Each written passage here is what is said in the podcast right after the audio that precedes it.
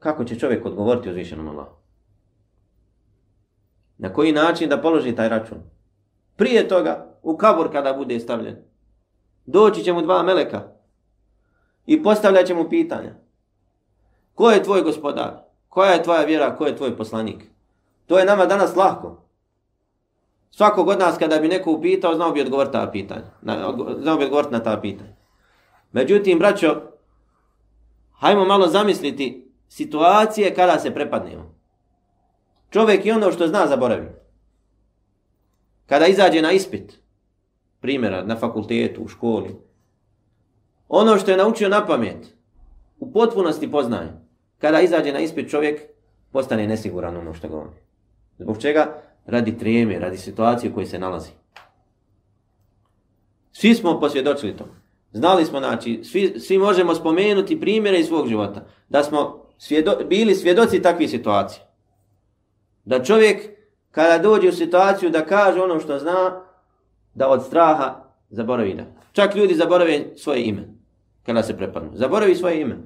Pita ga ko si, odakle si ti, ne zna čovjek, izgubi se od straha. E, zamislite kada dođu dva meleka strašnog izgleda. I čovjeka napuste svi, svi njegovi bližnji, njegovi prijatelji, svi oni na koji se oslanja, u koje se nadao na Dunjalku, svi ga napuste. I ostane sam u mraku, u tami, usamljen sa svojim dijelima, dobrim i lošim. I dođu mu dva meleka strašnog izgleda, jedan s jedne sa jedne strane, drugi sa druge, i kažu mu, koja je tvoja vjera? Hoće li čovjek moći da odgovori ono što je znao na dunjalku? Neće osim ako ga Allah učusti. Allah ga neće očvrstiti osim ako bude iskren u svojim djelima i svojom odnosu prema uzvišenom Allahu. Zato Allah kaže u Kur'anu يُثَبِّتُ اللَّهُ الَّذِينَ آمَنُوا بِالْقَوْلِ الثَّابِتِ فِي الْحَيَاتِ الدُّنْيَا وَفِي Allah će učvrstiti one koji vjeruju postojanim govorom na dunjalku i na ahiretu. Poslanik alaihi salatu wasalam protumačio je ovaj ajet da će Allah učvrstiti vjernike kada budu ispitivani u kaboru.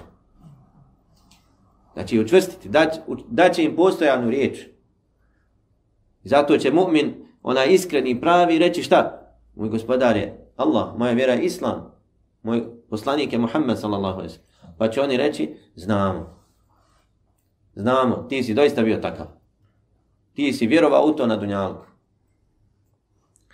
Pa će mu biti pokazano njegovo mjesto u džehennemu i bit će mu rečeno, ovo je tvoje mjesto, ovdje bi završio da nisi povjerovao u Allaha, da nisi slijedio pravi put.